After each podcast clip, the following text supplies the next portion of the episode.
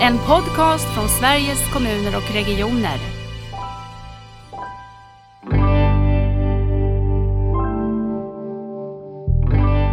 Hur jobbar du i det praktiska arbetet? Alltså på något sätt den, den etiken det här handlar om.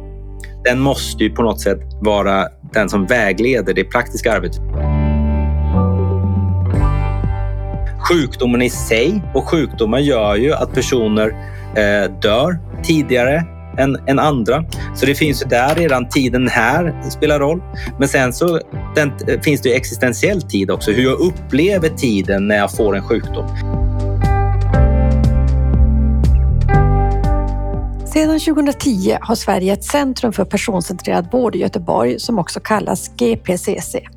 Genom GPCC har forskare studerat och tagit fram kunskap om hur vi kan utveckla vården att bli mer personcentrerad.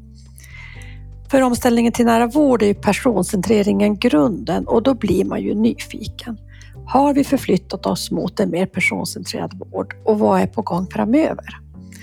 Och en person som har varit med under hela resan som GPCC har gjort och som nu är ny centrumföreståndare för GPCC, det är dagens gäst.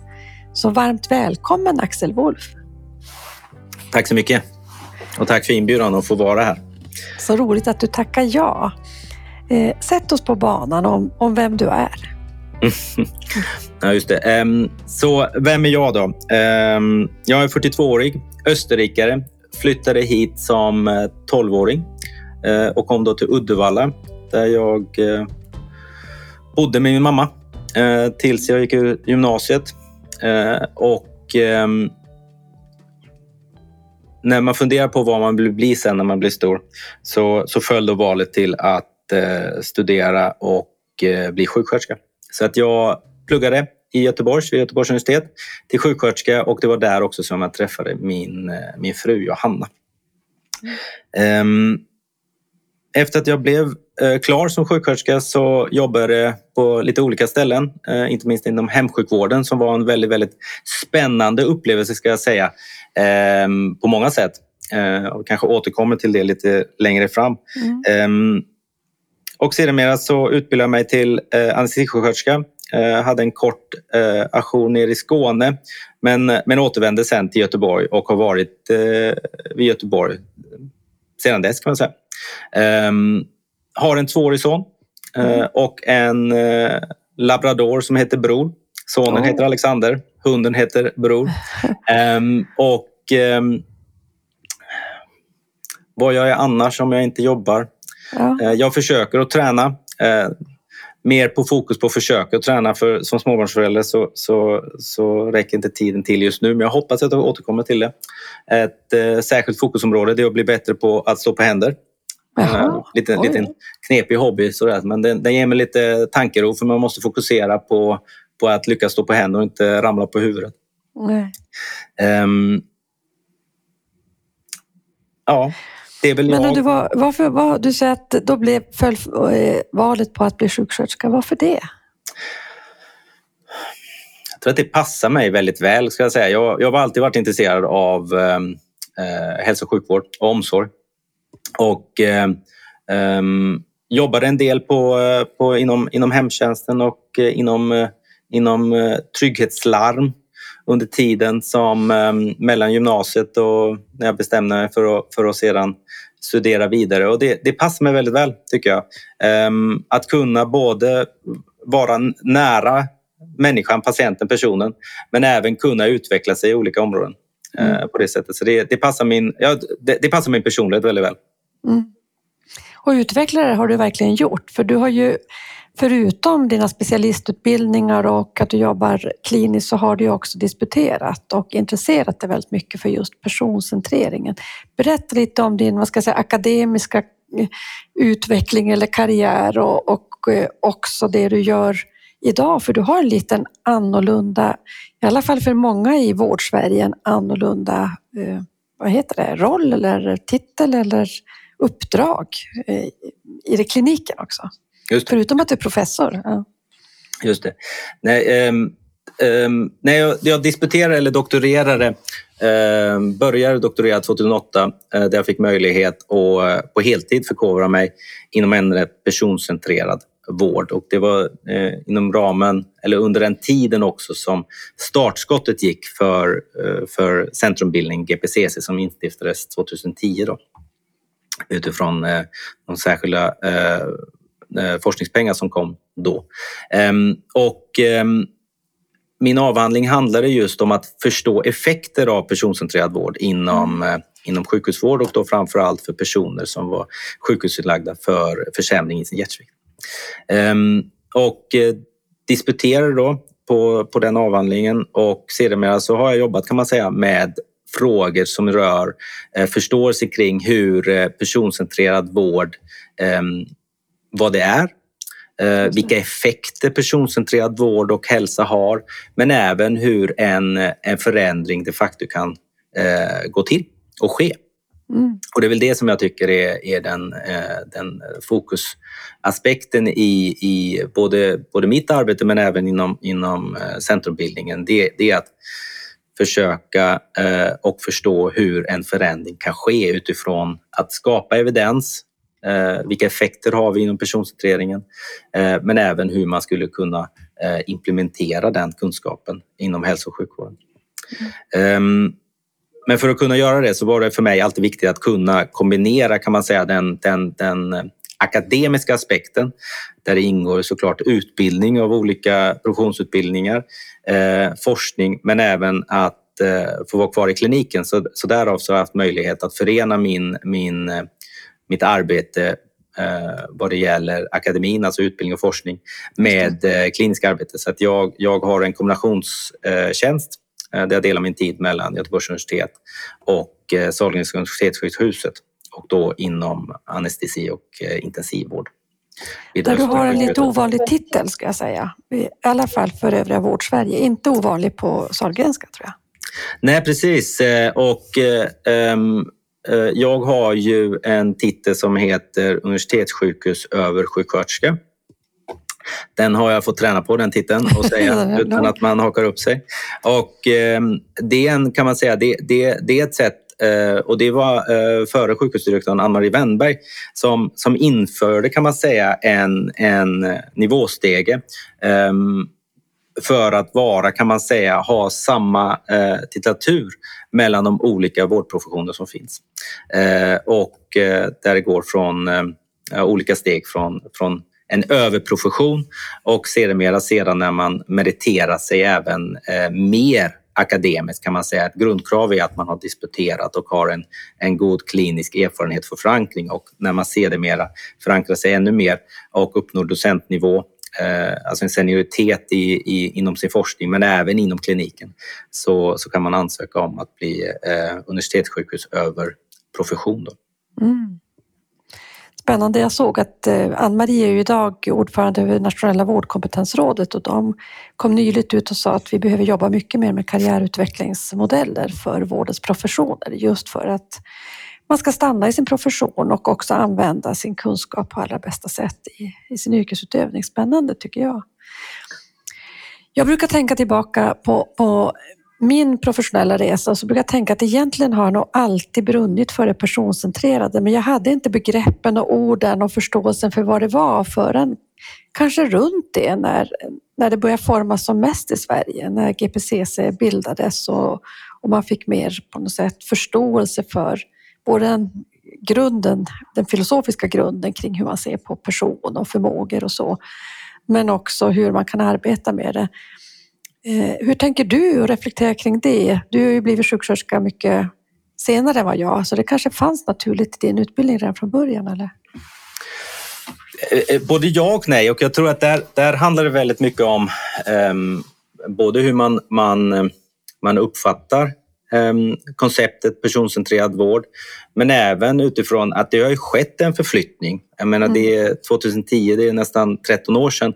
Och, och den här typen av, av begrepp som på något sätt eh, alltid har försökt sätta patienten i centrum är ju någonting som startade på, på 60-talet redan med, med Client Roget. Och, eh, sedermera så har det funnits ett antal olika koncept. Ehm, eh, inte minst kan man säga det som jag fortfarande tycker är, är eh, har varit starkast i, i, i, USA som är pa patientcentrerad vård mm. och omsorg. Sedermera så har de också ändrat mer och mer till personcentrering. Men jag tycker att, att när jag ser tillbaka till min utbildning um, så har vi ju, och det är vi fortfarande idag tycker jag, väldigt, väldigt duktiga på att identifiera behov risker eh, hos, hos patienten. Det är vi tränade för, eh, både utifrån alltså en objektivitet utifrån våra, hur man kan mäta och, eh, eh och utvärdera tecken. Alltså tecken kan vara puls, blodtryck, men även eh, till viss del symptom, även om jag tycker att vi måste bli ännu bättre på att förstå symptom och efterfråga symptom. Och det är en del i sedan berättelsen som, som patienten berättar. Men jag tror att det stora skiftet eh, är ju just att vi, vi måste eh, även förstå och vilja förstå de resurser och kapaciteter som, som personen har framför oss och, och dess nätverk. Och, och där tycker jag att vi eh, eh när, när eh, GPCC startade så hade vi en, en väldigt, väldigt tydlig målsättning. Eh, dels att förstå vad har vi för effekter när vi jobbar mm. på ett systematiskt sätt med, med eh, personcentrering. Hur skapar man det här partnerskapet? Och där partnerskapet bygger på att man som professionell, för det är vi som måste initiera eh, det. det partnerskapet, eh, verkligen lyssnar och, och verkligen är öppen för att lyssna på patientens berättelser. Och sedan samskapa, för det är ju det det handlar om också. En patient kommer ju eh, väldigt sällan till sjukvården för att inte möta och, och, diskutera och få reda på och möta ja. experter. Men det är mer att vi, vi måste inse att vi måste samskapa tillsammans en, en hälsoplan och en vårdplan eh, som ser det mera måste dokumenteras och revideras. Och där kommer systematiken in och det, det tycker jag eh, just att vi var så tydliga med att vi vill med kontrollerade kliniska studier i olika kontexter eh, försöka förstå effekterna av, men sen också effektiviteten, alltså en, en form av hur nyttiggör vi de, de effekter vi ser mm. um, in i verkligheten och hur, hur kan du jobba med detta? Alltså hur, på något sätt så handlar det om att hur jobbar du i det praktiska arbetet? Alltså på något sätt den, den etiken det här handlar om, mm. den måste ju på något sätt vara den som vägleder det praktiska arbetet. För det är ju där det sker. Så länge vi pratar om det teoretiskt eller eh, i ett möte hur vi skulle vilja eh, så, så, så, så är det en sak. Men det är ju i det verkliga arbetet, i praktiken, eh, när det inte är eh, svart och vitt som det verkligen intressanta uppstår och det är därför vi behöver ha eh, mer studier på olika nivåer mm. eh, kring detta och vi återkommer väl till detta mm. lite längre fram hoppas jag också. Mm. Jag tycker det är intressant för du har sagt någon gång att det här med personcentrering, eh, det måste man, eller du vill leva som du lär. Kan du inte säga någonting om det där, om den här integreringen i dig själv på något sätt, hur det tar uttryck? Ja, just det. Och, och jag tror att det, det, jag har haft en, en lång resa eh, bakom mig, höll jag på att säga, vad det gäller personcentrering. Jag startade med min avhandling 2008 och på den tiden då, då kallade vi det just inte personcentrering. Vi hade inte heller begreppet innan, vi, eh, innan GPCC eh, initierades och startades. Och, eh, då eh, professor Inger Ekman som, som startade centret som även var min handledare. Men det handlar ju på något sätt om att det, det går ju nästan inte, och det är väl en viktig aspekt i det också, att det går ju inte att vara personcentrerad i, i, min, i min roll. Um, det, det, det, måste ju på något sätt också vara någonting som man... På något sätt, det, det är därför vi pratar lite om att det, är nog en etik som, som kan vägleda i en annat. Och den typen av etik, att kunna, i alla fall strävan efter, ska man säga, eh, att, att vilja eh, lyssna Eh, på den andra eh, är någonting som, som jag har eh, såklart behövt jobba med eh, i de delarna. Och, ehm, eh, men det har ändå hjälpt mig väldigt mycket. Det hjälpte mig eh, väldigt mycket ska jag säga när min, när min mor dog mm. och var svårt sjuk. Och, och eh, där tycker jag att eh, jag fick stöd, inte bara utifrån min, min, min erfarenhet och min, min, min profession. Eh, det är väl klart att man också är van vid att, att möta personer eh, med olika eh, sjukdomar. Men när det kommer så nära en ja. så är det något helt annat. Då är man ju mm. inte längre en, en, en, en sjuksköterska eller läkare utan då är man ju en, en, en anhörig. Mm. Men jag fick ändå ganska, väldigt mycket stöd i, i detta och det har jag försökt jobba med. Um, och en, en intressant ögonöppnare för mig det var när jag, jag nämnde precis innan att jag, eh, jag, började kan man säga min karriär som sjuksköterska inom hemsjukvården. Just det. Och eh, fantastiskt arbete. Det, mm. det, alltså jag måste säga, det, det hemsjukvården mm. var för mig och är fortfarande för mig en ehm, ja, eh, väldigt spännande och det var ett roligt arbete men utmanande. Mm. Dels för att man var på den tiden Eh, nu måste jag säga att nu har jag, inte, jag har inte jobbat inom hemsjukvården på, på väldigt länge så jag vet inte hur det ser ut just nu men man var väldigt ensam som, som sjuksköterska och man hade med sig såklart sina kollegor eh, undersköterskor och andra sjuksköterskor och distriktssjuksköterskor. Men man var ganska ensam och man hade ett ganska stort upptagningsområde. Jag, jag jobbade i, i, i Göteborg på, på ja, det var både eh, stadsdel men även, även landsbygd. Och man kom ju till en persons hem. Mm. Och eh, det var jag inte alls tränad för. Eh, jag hade jobbat innan dess på akutintag och, på sjukhuset och det blir patienten kommer till oss och nu så kommer du helt plötsligt till patienten. Mm. Ehm, och eh, när man behöver ta ställningstagande och sedan upplever att nej, jag tycker att du skulle behöva åka till sjukhuset för du är väldigt sjuk.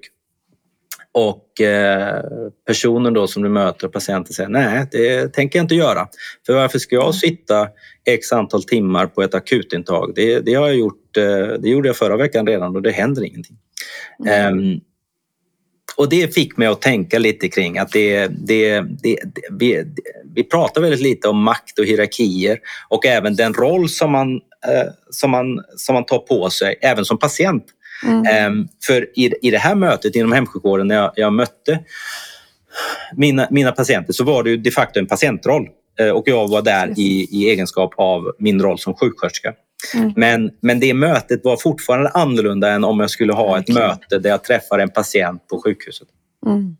Um, och det tyckte jag var fascinerande och det var nog det också som väckte min, min fascination för Eh, vad som händer då när man, när man tar på sig olika roller och hattar. Men även hur man skulle kunna jobba med att, eh, att hitta på något sätt eh, arbetssätt och en förhållningssätt för att kunna både förklara detta men även sträva mot att få en, en, en, en, en bättre bättre vård på det sättet. Mm. Och därav så tyckte jag det var jättekul att kunna få möjligheten att hoppa på det projektet. Eh, som sedermera då blev en, en avhandling kring personer som, som blev försämrade i sin hjärtsvikt. Just det. Jag delar precis eh, eh, min mammas sista tid. Jag tyckte allt vände eh, till det bättre, alltså vad gäller hälso och sjukvårdens roll i, i våra liv, när hon fick hemsjukvård. Det var som att på något sätt blev hon tillbaka till sin identitet trots att hon var så svårt sjuk. Och också en otrolig trygghet för mig och min bror som då var hennes på något sätt, mm. hennes familj i det läget. Så att eh, jag håller verkligen med och vi borde träna mycket, mycket mer i våra utbildningar, att jobba mycket, mycket mer i hemsjukvården som, eh, som sammanhang för eh, det är så värdeskapande för den enskilde. Precis. Jag tycker också att det eh, hänger på det sättet hänger personcentreringen och den nära vården så otroligt tätt ihop för personcentreringen är ju grunden för den nära vården. Men jag tänkte, vad är din relation till nära vård? Du finns på ett universitetssjukhus, du forskar. Eh, har du kommit i kontakt med nära vårdomställningen? Ja, just det. Och, och, och det, det... Jag ska säga både ja och nej. Um, ja, såklart, för det är ju en av de riktigt, riktigt stora omställningar som vi gör i, i svensk hälso och sjukvård uh, just nu. Um, och vi, vi eh, försöker förstå den. Uh, vi försöker också eh, beforska den, inte minst då inom GPCC då, vad det gäller personcentrering. Men som, som kliniker och som i den praktiska vardagen så ska jag säga att jag inte har mött den. Ännu, ska jag säga. Vi, vi pratar om det, men, men på, på ett sjukhus och då kan det också vara min, min specialitet då, som är anestesi eh, och intensivvård, att vi, vi inte har kommit dit än, ska jag säga. Nej. För att jag är övertygad om att eh, den omställning som vi just nu är inne i ehm, kommer att eh, vara, eh, kommer beröra alla kontexter. Eh, Mm. Och det kanske är också så att vi måste, och det är väl en spännande aspekt i, i omställningsarbetet, är att man måste tänka nytt. Vi måste fundera lite på också hur våra, våra, våra kontexter och, och med hjälp av teknologi men även andra möjligheter eh, se lite hur man skulle kunna förändra kan man säga vården eh, till, till det bättre. Mm. Är det roller som du har i din eh, nu långa titel universitetssjukhusöversjuksköterska? Var det rätt nu? Eh, att också tänka vad är det för initiativ? För det kan jag lite grann känna att vi är ju också väldigt tränade i att förändringar ska komma uppifrån. Det antingen ritar vi om organisationsrutorna och sen blir vi ganska frustrerade när man finns kliniskt i verksamheten eller men också få den underifrån rörelsen med personcentreringen och anestesiologin och mellanrummen som också finns för en människa som behöver gå igenom gå någon eh, operativt ingrepp och behöver vara sövd. Det är ju ganska stora grejer i ens liv. Och, eh, är det någonting man kan, hur får vi det att växa underifrån? Ja, Du just. förstår vad jag menar? Ja, men absolut, och jag, jag tror att det, det är... ehm, du, prat, ni, du pratar ju och eh, när jag lyssnade på, på podden eh, häromveckan så, så pratade ni om de organisatoriska eh, mellanrummen. Mm. Och jag tycker det är ett väldigt spännande eh, begrepp. Det är ju inte de facto enbart det som, som, som nära vården handlar om såklart. Mm. Men, men de finns ju överallt. De, de, och det Mm. behöver inte vara mellan kan man säga, slutenvård eller primärvård och, och kommunal hälso och sjukvård. De, de finns ju även inom ramen för en organisation, Absolut. olika vårdavdelningar och kliniker. Ehm, och där tror jag att eh, jag som, som eh, forskare men även, även kliniker har en, en central roll. Eh, utifrån att jag är ju som forskare tränad i att eh, förhoppningsvis tänka nytt och att även fundera på vad vi vet och eh, vad vi inte vet. Och sedan ha verktygen att på ett etiskt sätt också kunna beforska dessa. Så där tror jag att återigen att man ser ett behov av att kunna knyta ihop forskningen och, och klin, klinisk arbete. Mm. Ehm, och även att man i detta, och det är också en sak som nu för tiden börjar komma mer och mer, eh, som också tror jag kommer att underlätta omställning, även inom anestesi och intensivvård, det är att vi mer och mer eh, systematiskt jobbar med patient och brukarmedverkan.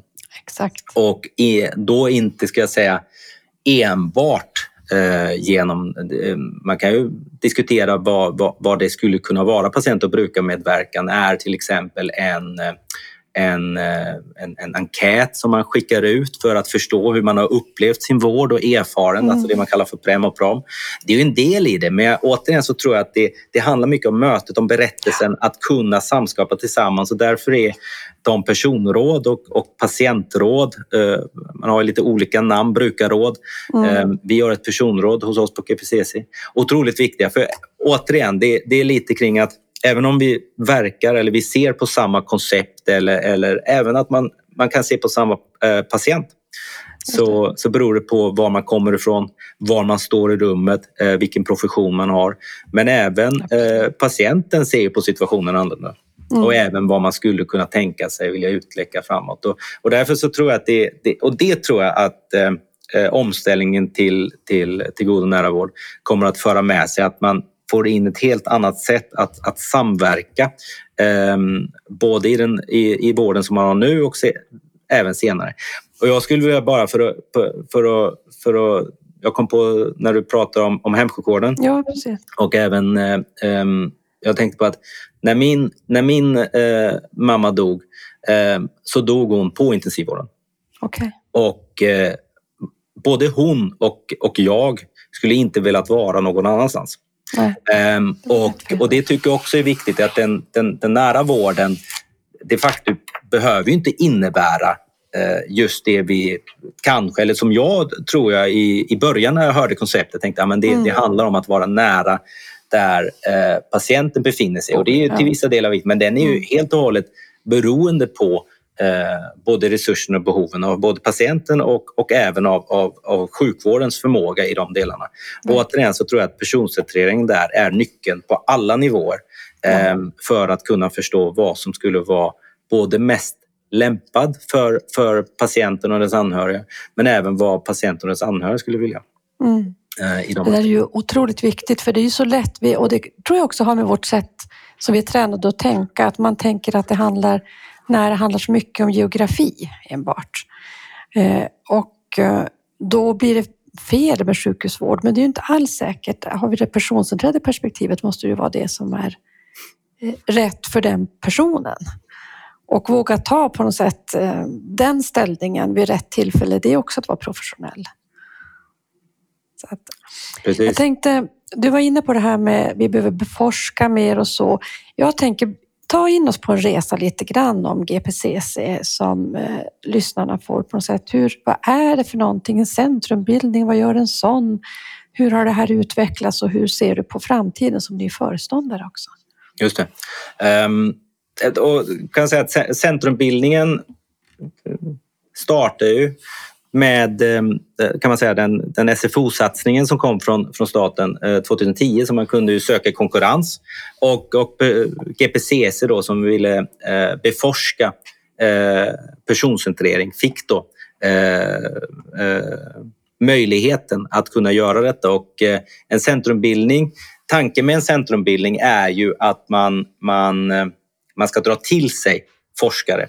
Eh, både inom universitetet och det tror jag också var en väldigt, väldigt viktig aspekt som eh, när GPCC startades och inrättades att alla fakultet var med i, på den här resan. För personcentreringen, även om vi rör oss inom hälso och sjukvård och, och vårt fokus är långvarig sjuk, sjukdom var då och, och eh, till stor del är fortfarande idag. Um, så handlar det om att man måste återigen se det från olika håll, perspektiv. Um, och därav så var det så viktigt att, att ha med alla fakultet mm. och se det som att eh, man gör studier i olika ämnen och olika områden för att lägga de här pusselbitarna. Men en viktig aspekt eh, i, i, i GPCCs tror jag, historik var just att vi ville inte eh, enbart, skulle jag säga, eh, beskriva och eh, på eget sätt även eh, som vi ser det mera gjorde också kan man säga, vi, alltså Göteborgsmodellen eller eh, ramverket eller, som, som är personcentrering eh, utifrån GPCCs eh, sätt att se på det. Ehm, men det är framför allt att beforska det eh, utifrån ehm, vad är effekten? Ehm, vad är förändringen? Eh, hur ser den, lång, eh, den långvariga förändringen ut när du jobbar personcentrerat på ett systematiskt sätt? och det tillsammans med att eh, vi också var väldigt, väldigt tydliga med att eh, vi som centrumbildning måste också ta ett tydligare eh, steg vad det gäller nyttogörandet. Eh, för nyttogörande, akademiskt nyttogörande eller spridning eh, kan man säga traditionellt handlar om att när man har genomfört sin studie så, så, så publicerar man den i vetenskapliga tidskrifter och åker ut på konferenser. Eh, mm. Och sedermera så tas den upp av, av personer som har ett intresse. Ehm, och sedan så, så, söker jag nya medel för en ny studie och så rullar det på.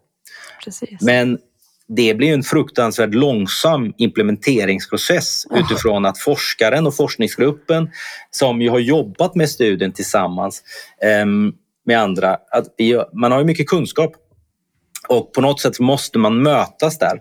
Uh, och där uh, så gjorde vi, uh, tror jag, väldigt många olika saker och aktiviteter för att förstå lite mer hur man skulle kunna nyttiggöra eh, både eh, kunskapen men erfarenheter av personcentrering. Mm. Eh, så att det inte enbart skulle bli ett förhållningssätt utan att det måste ner i arbetet, alltså att det blir ett arbetssätt. Um, och det har vi gjort nu de senaste 13 åren. Um, och vi har uh, eh, GPCC som centrumbildning har blivit utvärderad externt, uh, inte minst mm. från Vetenskapsrådet ett antal gånger. Ehm, vi har även gjort eh, tycker jag, lite, lite roliga eh, och annorlunda eh, projekt och studier, ehm, inte minst inom konst. Och jag tror att man också bör göra mer inom, inom, inom konst och litteratur. Ehm, vi till exempel försökte utforma och vi utformade då en, en, en tom vårdavdelning som inte användes. Eh, och det var ett samverka, eh, samarbete mellan Sahlgrenska universitetssjukhuset, Östra sjukhuset och Röhsska museet och GPCC. För sedermera ser det här som ett sätt att kunna också eh, utbilda alla personer, all personal på, på, på medicinkliniken som då var den största medicinkliniken på Sahlgrenska universitetssjukhuset i personcentrering. På ett annat sätt. Um, och, och, och, och, på något sätt um, se på hur berättelsen vad, är en berättelse? Hur, hur, mm. hur ter sig hur, hur skapar man den här typen av dialogen? Uh, vi skapade nationella referensavdelningar uh, via, via en Vinnova-finansiering. Um, och sedermera nu uh, 2016 så, så initierade vi eh, arbetet med en europeisk standard för eh, personcentrering eh, som 2020 blev då en europeisk standard och där den första standarden hanterar vad som är miniminivån av patientdelaktighet i hälso och sjukvård. Mm. Och miniminivån var eh, intressant tycker jag, för det, den är konsensusdriven. Att, att skapa en standard är konsensusdriven, så alla länder skapar tekniska kommittéer och det, det tog ett antal år att, att skapa den standarden. Men just vad är miniminivån? Det betyder inte att man kan vara bättre än så, men vad är det minsta som, som man ska förvänta sig som, som patient och kliniker vad det gäller patientdelaktigheten. Mm. Och det är ett viktigt aspekt för dels för att, att jobba vidare systematiskt eh, mot personcentrering som ett arbetssätt men även för att eh, förstå lite vad, vad är det som, som, som krävs av mig som patient? Vad kan jag förvänta mig som anhörig? Um, och, och, standarden är dels en standard som, som jobbar med bedside, alltså vad vi ska göra i mötet, men även organisatorisk. Eh, och där den har en helt, eh, helt kapitel ska jag säga, om patient och brukarmedverkan på, på ledningsnivå och mm. policyarbete. Som också är en viktig aspekt hur man, man jobbar med dessa frågor systematiskt.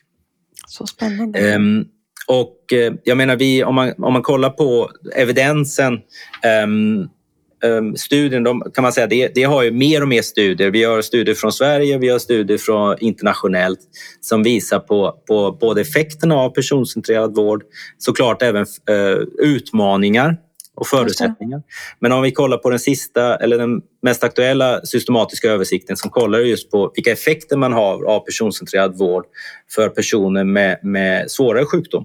Mm. Eh, både vad det gäller eh, patientrelaterade utfall eh, men även hälsoekonomiska utfall. Mm. Så ser man att nästan hälften av, av de studier som man refererar till kommer från Sverige och från, från GPCC. Och, och där tycker jag att vi, vi ska vara stolta över så att vi, vi har ju eh, strävan efter att, att både förstå men även sen implementera personcentreringen eh, och arbetssättet kring personcentrerad vård ehm, är ju någonting som, som är fantastiskt att få följa mm. den väsen och strävan. Och eh, som nu också har kommit till en, till en nivå tycker jag att där vi nu kan också utvidga och vi kommer att utvidga eh, med strategiska forskningsprogram vad det gäller hur personcentreringen ser ut. Dels i precisionshälsa och i precisionshälsa så, så inne, det, det innebär ju både en prediktion och prevention Mm. diagnos och, och, behandling. Och hur ser den kombinationen ut mellan precisionshälsa och mm. personcentrerad vård? Men dels också hur ser personcentrering ut i medicinsk teknik, alltså all den digitalisering som vi gör. Um, som även har regulatoria och vi har ju även en patientlag såklart, mm. bland annat. Ehm, hur, hur, hur, hur, hur ser personcentrering ut där och vad kan man, eh, hur jobbar man med patientdelaktighet innan man utvecklar medicintekniska produkter, hur man utvärderar dem. Ehm, och allt detta kommer tillbaka till, som jag tror kommer bli en väldigt, väldigt intressant aspekt och det är hur personcentrering ser ut i governance. Alltså governance-begreppet som är äh, äh, um, styrning, hälso och sjukvårdsstyrning mm. som både innebär uh, policy men även uh, organisation och, och ekonomi. Hur, hur, hur, ser detta ut? Um, och då ser man att om man vill jobba med personcentrerad vård som ett fundament i svensk hälso och sjukvård, men även utanför Sverige såklart, så måste ju personcentrering återfinnas eh, både, ja, eh, på patient, eh, alltså bedside, alltså ja. Eh, på, men även på organisationsnivå och även på, på, på samhällsnivå ska man säga. Och hur vi då styr därefter och, och hur man gör det um, och hur man skulle kunna testa det. Det är någonting mm. som jag tycker jag är väldigt spännande och som jag hoppas att vi kan jobba med framöver. Inte minst vad det gäller den här omställningen. Och det är så otroligt spännande. Jag tänker vi får nästan lite grann komma tillbaka till det om en liten stund, för jag har så många tankar i huvudet när du pratar.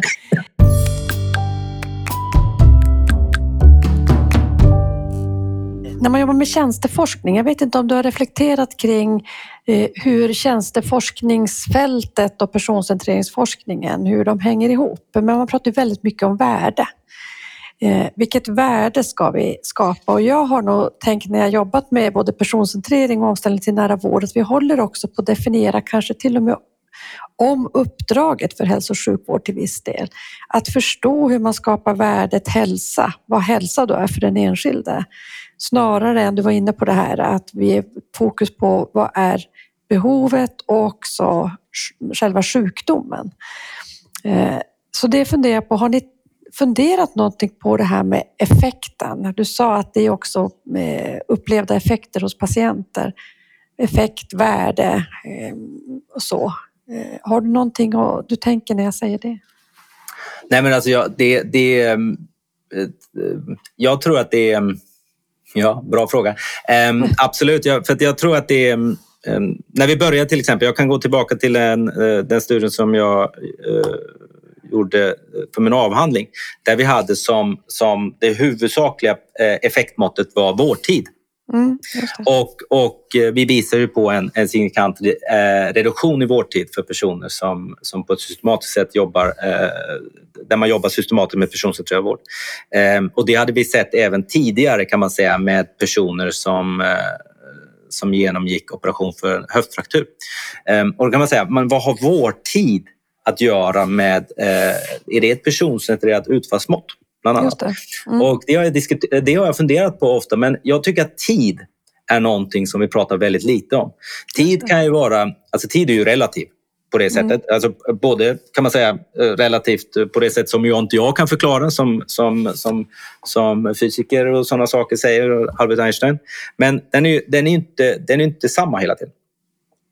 Och den beror ju också på lite var man står någonstans såklart, men också utifrån vem man är. Vi vet att eh, hälso och sjukvården är ju tyvärr inte jämlik, vilket gör att man, vissa får inte den tiden man ska ha. Ja, Sjukdomen i sig och sjukdomar gör ju att personer eh, dör tidigare än, än andra. Så det mm. finns ju där redan tiden här spelar roll. Men sen så den, eh, finns det existentiell tid också. Hur jag upplever tiden när jag får en sjukdom. Hur jag upplever tiden när jag har en sjukdom. Um, så tid är någonting som jag tycker är väldigt spännande. Verkligen. Och tid är någonting som både kan vara objektivt men tid är någonting som är väldigt subjektivt. Um, men i slutändan handlar ju allting som vi pratar om på något sätt om, om tid. Om vi inte kan optimera tiden genom att vi inte har en sjukvård som, som jobbar på ett personcentrerat sätt så att vi har eh, längre vårdtid till exempel. Eller att eh, patienten upplever att tillgängligheten till hälso och sjukvården inte är optimal. Det blir ju tid som, som, som försvinner mm. på det sättet. Men sen handlar det också om vad man fyller den tiden med och det tycker jag också är en intressant aspekt. Att man, man brukar i vissa eh, forskningsfält eller sjukdomsfält men vad, vad är viktigare? Är det att ha en god livskvalitet eller att leva längre? Och inom, inom, inom personer som, som lider av hjärtsvikt så, så har det funnits studier som har kollat på detta. Okay. Skulle du till exempel vilja ha en högre livskvalitet mm. men du lever lite kortare tid? Mm. Eller vill du ha en lite sämre livskvalitet men du lever längre? Och det, mm. det är såklart, det, det, är för att förstå lite patienter. Och, och in, innan den studien så hade jag sagt att utifrån att, att eh, personer som, som har hjärtsvikt, som har, har svår hjärtsvikt, eh, som har mycket svår eh, andfåddhet och, och trötthetskänslor och som knappt kan resa sig upp. Um, hade jag nog sagt direkt, nej men det är klart att man vill ha högre livskvalitet. Ja, exakt. Man ska tänka det. Mm. Men förvånansvärt så var det så att den bilden var inte alls så tydlig. Nej. Utan det var också många som sa att nej men, i den här studien att nej, ja, det är så här att jag vill leva för att vilja umgås med mina barnbarn. Mm. Då vill jag leva längre. Även om min livskvalitet är lite sämre. Sen kan man diskutera livskvalitetsbegreppet såklart. Men jag tycker återigen att vi ska inte ta det för givet att vi kan svara på vad som är viktigast för patienten. Um, och då kommer vi till att hur skapar vi då eh, effektmått eller utvärderingsaspekter som tar hänsyn till den variationen. Mm. Um, och jag är övertygad om att nu med den nya tekniken men även förmågan att vara personcentrerad både vad det gäller kliniskt arbete men även i forskningen um, kommer fram till fler studier som kan utmana sättet hur vi, vi jobbar med den här typen av utfallsmått. Mm. Um, men jag är också ganska övertygad om att vi kommer bli förvånade över att det kanske inte skiljer så mycket ändå.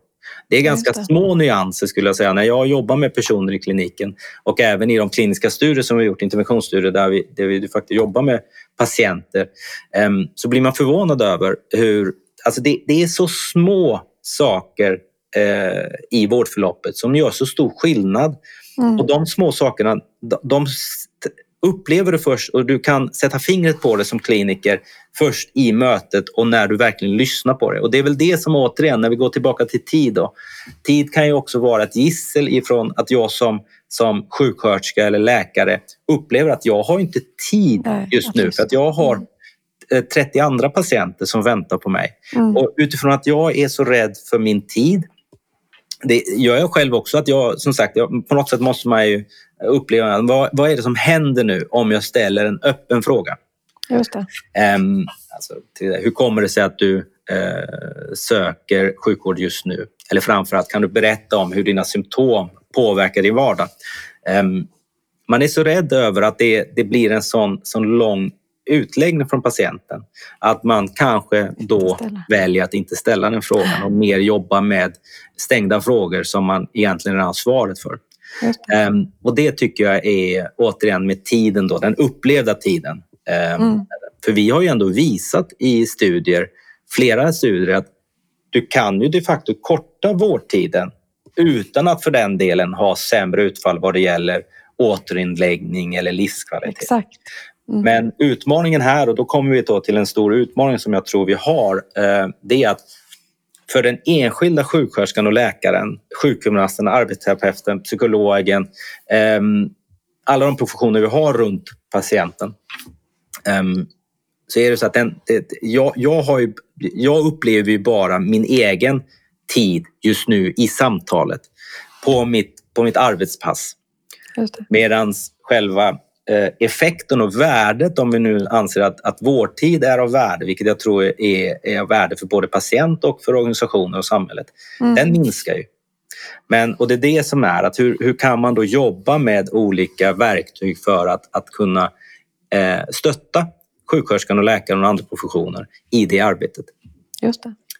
Och jag tänker också att det finns ju någon, på tal om tid, då, eh, vi vill hitta det, det som skapar värde för den enskilda samtidigt som vi använder, om vi då tar vårdtid som, som exempel, att vi använder den tid vi har i vårt offentligt finansierade system till att kunna skapa jämlikhet, att också vi inte lägger tiden fel så att, eller för lång tid för att vi faktiskt inte får ett mervärde av det. Och då tänker jag också på de här mellanrummen, att när vi förmår oss från ett organisationsperspektiv att eh, på något sätt skapa mindre tidsslöseri i de här mellanrummen så, och samtidigt skapa värde för den enskilda. Då har vi gjort någonting som också är bra för, för alla mm. eftersom vi vill använda våra resurser på allra bästa sätt. Så vi har ju hela tiden ett uppdrag också, tänker jag, i det offentliga att se till att vi använder våra medel och då är ju det väldigt mycket tid och människor i vårt system på allra bästa sätt för att komma många till del. Så det finns ju en dimension som du var inne på också som handlar om jämlikhet och som då hamnar om styrning och eh, sättet att förstå vad som händer när vi gör olika saker. Nej men absolut och jag, jag tror att det är och, och, nu var du inne på en aspekt som jag tycker att vi också i ett, i ett kan man säga i Sverige och i, kan man säga, det är ju, Sverige är ett av de få länder som har kan man säga just nu fortfarande ett system med, med eh, en kan man säga mm. Ehm, en, en payer eller en betalare kan man säga på det sättet och en, en framförallt offentlig sjukvård. Um, men den bygger på något sätt på uh, skatteunderlag och på det sättet så är det ju att det, det, det är också intressant för att det, när man betalar skatt i Sverige som en del i systemet, inte bara för mig men även för den andra. Och jag kan, eh, vi har gjort ett antal eh, etnografiska studier men också organisationsstudier och, och en som, som jag var del i där vi var 18 månader på en, en, eh, en eh, avdelning, en eh, kardiologisk avdelning så minns jag så väl när man gick runt där och, och pratade med patienter och många av dem var svårt sjuka, mm. eh, äldre och unga. Men så sa de ändå att det, det, det är när sen, om man frågar eller en ron, nej men det, det, den här personen bredvid mig mår, mår sämre, ta, ta, ta honom eller henne ja, eller ta dem först. Så att på något sätt så har man ändå en medvetenhet och jag tror att den, den tanken kring också vad är eh, patienten eller personens roll i framtidens hälsa och sjukvård. Ja. Ehm, den, den är någonting som vi också måste diskutera. Hur ska man samskapa någonting tillsammans? Eh, jag är ju eh, inte förtjust i, i kundbegreppet inom hälso och sjukvård. För det blir ju på någonting som, eh, på ett sätt som att det, det, man går in och man går ut. Men det, på ett sätt så är det så att alla våra handlingar, i, återigen i praktiken, hanterar mm. på något sätt en medvetenhet och förståelse för eh, varandra och att systemet då måste eh, vara rättvis och jämlik. Och det är väl en aspekt i att det räcker inte med att alla har tillgång till, till vård Nej. om det innebär att några ändå har lättare för tillgången än andra och därför så Precis. återigen så måste man ju se över hur man kan anpassa det till eh, den enskildes resurs men även eh, behov mm. eh, i de delarna. Och där, där tycker jag att det är viktigt och, och just den här medvetenheten. Eh, jag vet att ni, man jobbar mycket med studiecirklar till exempel. Precis, jag satt precis och tänkte på det. Och, och det att, att göra det mer som också återigen en, en, en folkrörelse. Nu mm. låter det ju faktiskt kanske för vissa som lyssnar på det här lite kanske att det, det låter konstigt men, men på ett sätt så handlar det om att, att hälso och sjukvården är en så stor del i varje invånare i, i Sverige. Mm. Alltså vi har ju ungefär en, en drygt 12 procent av vår BNP går till sjukvård. I, mm. och, um, och det är en stor del. Um, men även om man, och sen kan vi prata om hälsoperspektivet i det också, den preventiva delen. Och sen när vi börjar prata om mer och mer precisionshälsa och precisionsmedicin där man också kan prediktera um, så är det också en aspekt kring alltså, men hur, vad är min roll i detta? Och jag minns att, eh, eller jag såg en, en, en, en artikel eh, där Eh, från, från Thomas Lind, Lindroth bland annat som pratar om digitalisering i offentlig, eh, off, eh, digitalisering i, i offentliga, höll på att säga. Eh, och som diskuterar just också det här att det är nog dags också att invånaren eh, förstår lite hur man jobbar med de här systemen och vilka ja. både krav man kan ställa men också vilket ansvar man har. Um, för vi kommer säkerligen komma i en, i en punkt och en skärningspunkt där vi pratar om fysisk vård kontra digital, digital vård. Absolut. Um, och då kan ju också framöver måste vi då också diskutera, men utifrån en personcentrerad aspekt. Så här, okay, men är det så att, det är att man kan välja digital eller fysisk eller mm. är det så att det är digitalt först som, som, som, som vissa förordar? Men hur sker detta? Och, och det måste ju på något sätt diskuteras och, och ha ett lärande system och ett levande system där alla är involverade. Så att jag tycker att studiecyklar hade varit väldigt spännande att se eh, hur man skulle kunna utveckla den typen av resonemang. Och ni kanske håller på att jobba med detta? Eh, jag tänkte väldigt mycket, jag tänker också på hela folkrörelsen som en, en, eh, någonting som vi har stark tradition för och som vi skulle verkligen folkbildningen så, eh, som en del i, i detta, denna omställning. Eh, och jag tror eller jag vet att det finns ett stort engagemang också om man tänker från befolkning, från oss som är invånare.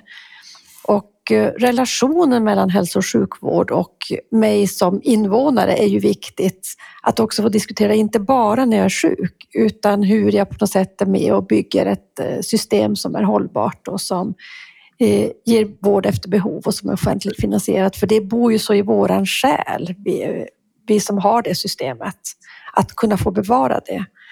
Och då hamnar man ju också i större frågor som eh, samhällsbyggnad, som eh, bredbandsfrågor. Alltså det är ju mycket om vi nu ska tänka att vi får en vård som är mer av en hybridkaraktär. Men du, det går så himla fort när vi pratar och vi har så mycket vi ska prata om. Jag känner ändå att jag vill eh, innan vi avslutar få lite tankar kring det här med, och det här med ledning och styrning. Det här kanske är en del av styrningen, att, att eh, faktiskt också involvera mm, invånarna mer i en omställning av någonting som är så centralt i, i vårt samhällsbygge.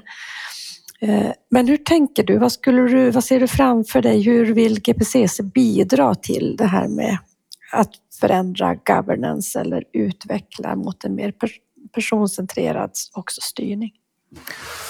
Alltså, och jag tror att det är um, det handlar ju om, um, kan man säga, nu, nu är vi inne i en implementeringsfas. Jag menar, det har ju gått, kan man säga, ändå uh, på 13 år har det hänt väldigt mycket, skulle jag säga. Både forskningsmässigt men även implementeringsmässigt och alla de initiativ och, och, och projekten som jag hör, som, som ni håller på med och som man hör via, via Nära vårdpodden.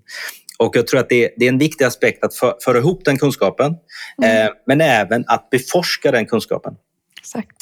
Um, på alltså hur styr man utifrån den här forskning, eh, kunskapen som vi har. Och där, där, där tycker jag att en, en aspekt är ju att vi pratar ju oftast om, eller man, ibland så pratar man om, om test, eh, testmiljöer eller testlabs mm. till exempel, eller living labs eller mm. eh, learning labs finns det. Eh, vi pratar ju eh, väldigt lite. Nu, nu, vet jag att det finns organisationer eh, som gör det. Eh, jag vet att, att Experior Lab och, och Karlstads universitet jobbar eh, med eh, tankar kring policy labs och sådana saker. Och det skulle vara intressant att man kan testa på, på ett sätt, även på styrningsnivå, olika aspekter. Så som vi testar eh, i kontrollerade studier. Eh, mm. Men just det, men hur skulle styrningen kunna se ut och hur den ter sig men utifrån en personcentrerad perspektiv och arbetssätt som måste prägla hela styrningen. Och det, det är väl där som jag eh, hoppas och tror att GPCC kan vara en del av det. För vi har många olika organisationer och personer ehm, och, eh, som, som jobbar med de frågorna. Men jag tror på något sätt att vi, vi måste, lite som när, när ehm, Eh, som jag också läser när man läser på, på SKRs hemsida om nära vård, att det är någonting som, som, som, som inte är... Alltså, I början så, jag i alla fall tror jag, men är det, ja. är det en primärvårdsreform? Precis. Är det primärvården? Men det, är så mycket mer om man läser och som var jag inne på. Och det är samma sak om jag kollar tillbaka till när, när GPCC startade, att alla fakultet skulle vara involverade. Man ser det på det sättet. Och jag var, eh, förra veckan var jag på invigningen av den första forskarskolan inom precisionshälsa, mm. eh, Precise uppe på Luleås tekniska universitet, mm. som också jobbar på att alla fakultet är involverade. Och det mm. skulle vara i så fall väldigt trevligt, men eh, även, tror jag, nödvändigt att man har samma aspekt när vi pratar om governance-aspekten mm. eh, utifrån olika synsätt Eh, och olika... Eh, du nämnde ju samhällsbyggnad. Eh, hur ser, hur, hur ser städer ut? Infrastrukturen ja. ut? Ehm, hur, men, men utifrån en personcentrerad aspekt, för hälso och sjukvården är ju så centralt. Och där är det klart att vi också måste börja väldigt tidigt med de som kommer att vara de som både är bärare av personcentrerad arbetssätt i, i hälso och sjukvården, alltså mm. barn och ungdomar. Men också att många av dem, eh, att det både är patienter redan, barn och ungdomar, som har övergångar till, till vuxenlivet och, oh ja. olika övergångar överlag. Återigen, då kommer vi till de här organisatoriska mellanrummen. Men också att det, det är på något sätt, vi måste börja där redan. Mm. För att det, även om det gått fort de senaste 10-13 åren så är det så att den förflyttningen kommer ta tid och det är ju alltid ett litet eh, rörligt mål ska man säga. Um, så på det sättet så tror jag att man, man måste se governance-aspekten utifrån um, hur kan vi testa på ett mer strukturerat sätt um, den implementeringen vi gör, men utifrån uh, styrningsperspektiv. Och där hoppas jag att vi, vi uh, tillsammans kan, kan hitta vägar och framförallt kanske att man hittar ett forum och ett nätverk där man kan diskutera detta. Det, det tror jag också. Det, eh, vi är väldigt intresserade från SKR också att att finnas i. Det bara slår mig när du pratar om att vi har ju den stora eh, parlamentariska utredningen om, om statens roll i styrningen av svensk hälso och sjukvård. Och det är ju jätteviktigt att kunna få in sådana här aspekter också i den utredningen. För det bygger ju ändå på vad vi vill ha för hälso och sjukvård framåt och den personcentrerade grunden, det känner jag också, det har ju fått ett mycket, mycket större fäste också i de politiska miljöerna, i, i det som kommer från departement och från regering och riksdag, skrivningar som vi inte såg för tio år sedan. Det finns en vilja och en förståelse, men jag tror att vi har mycket kvar att lära innan vi förstår hur vi då styr sådana system som skapar jämlikheten och samtidigt är personcentrerade. För det finns ju någonting i det där mellan att använda resurser väl och att eh, det är kanske just när vi jobbar personcentrerat som vi också använder våra resurser på ett bra sätt. Eh, vi har pratat en timme och vi ska börja avsluta. Eh, jag får säga som jag säger åt en del poddgäster, det får bli en till, en till podd helt enkelt när du har varit på plats ett tag. Men om du skulle säga kort bara, var det solklart så här, jag säger ja när, de frågar om, när du fick frågan om att bli ny centrumföreståndare för GPCC? Eh, ja, det var det.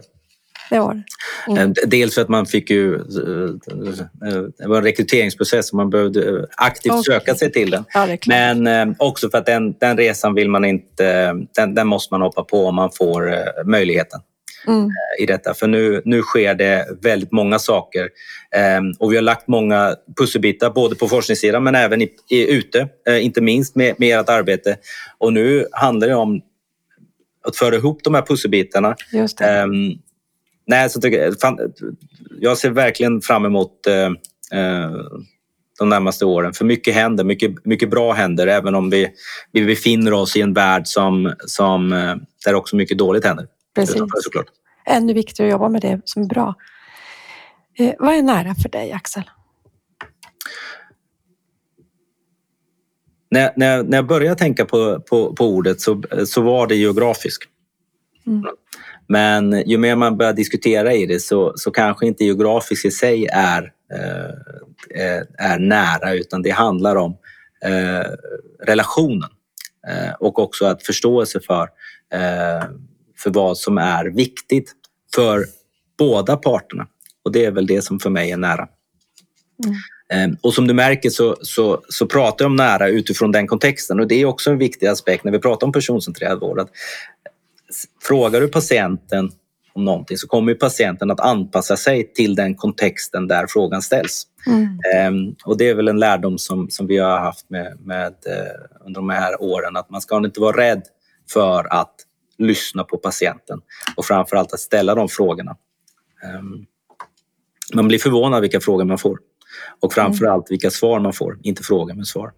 Mm. Så klokt. Tack för att du var med i den här vårdpodden. Tack så mycket.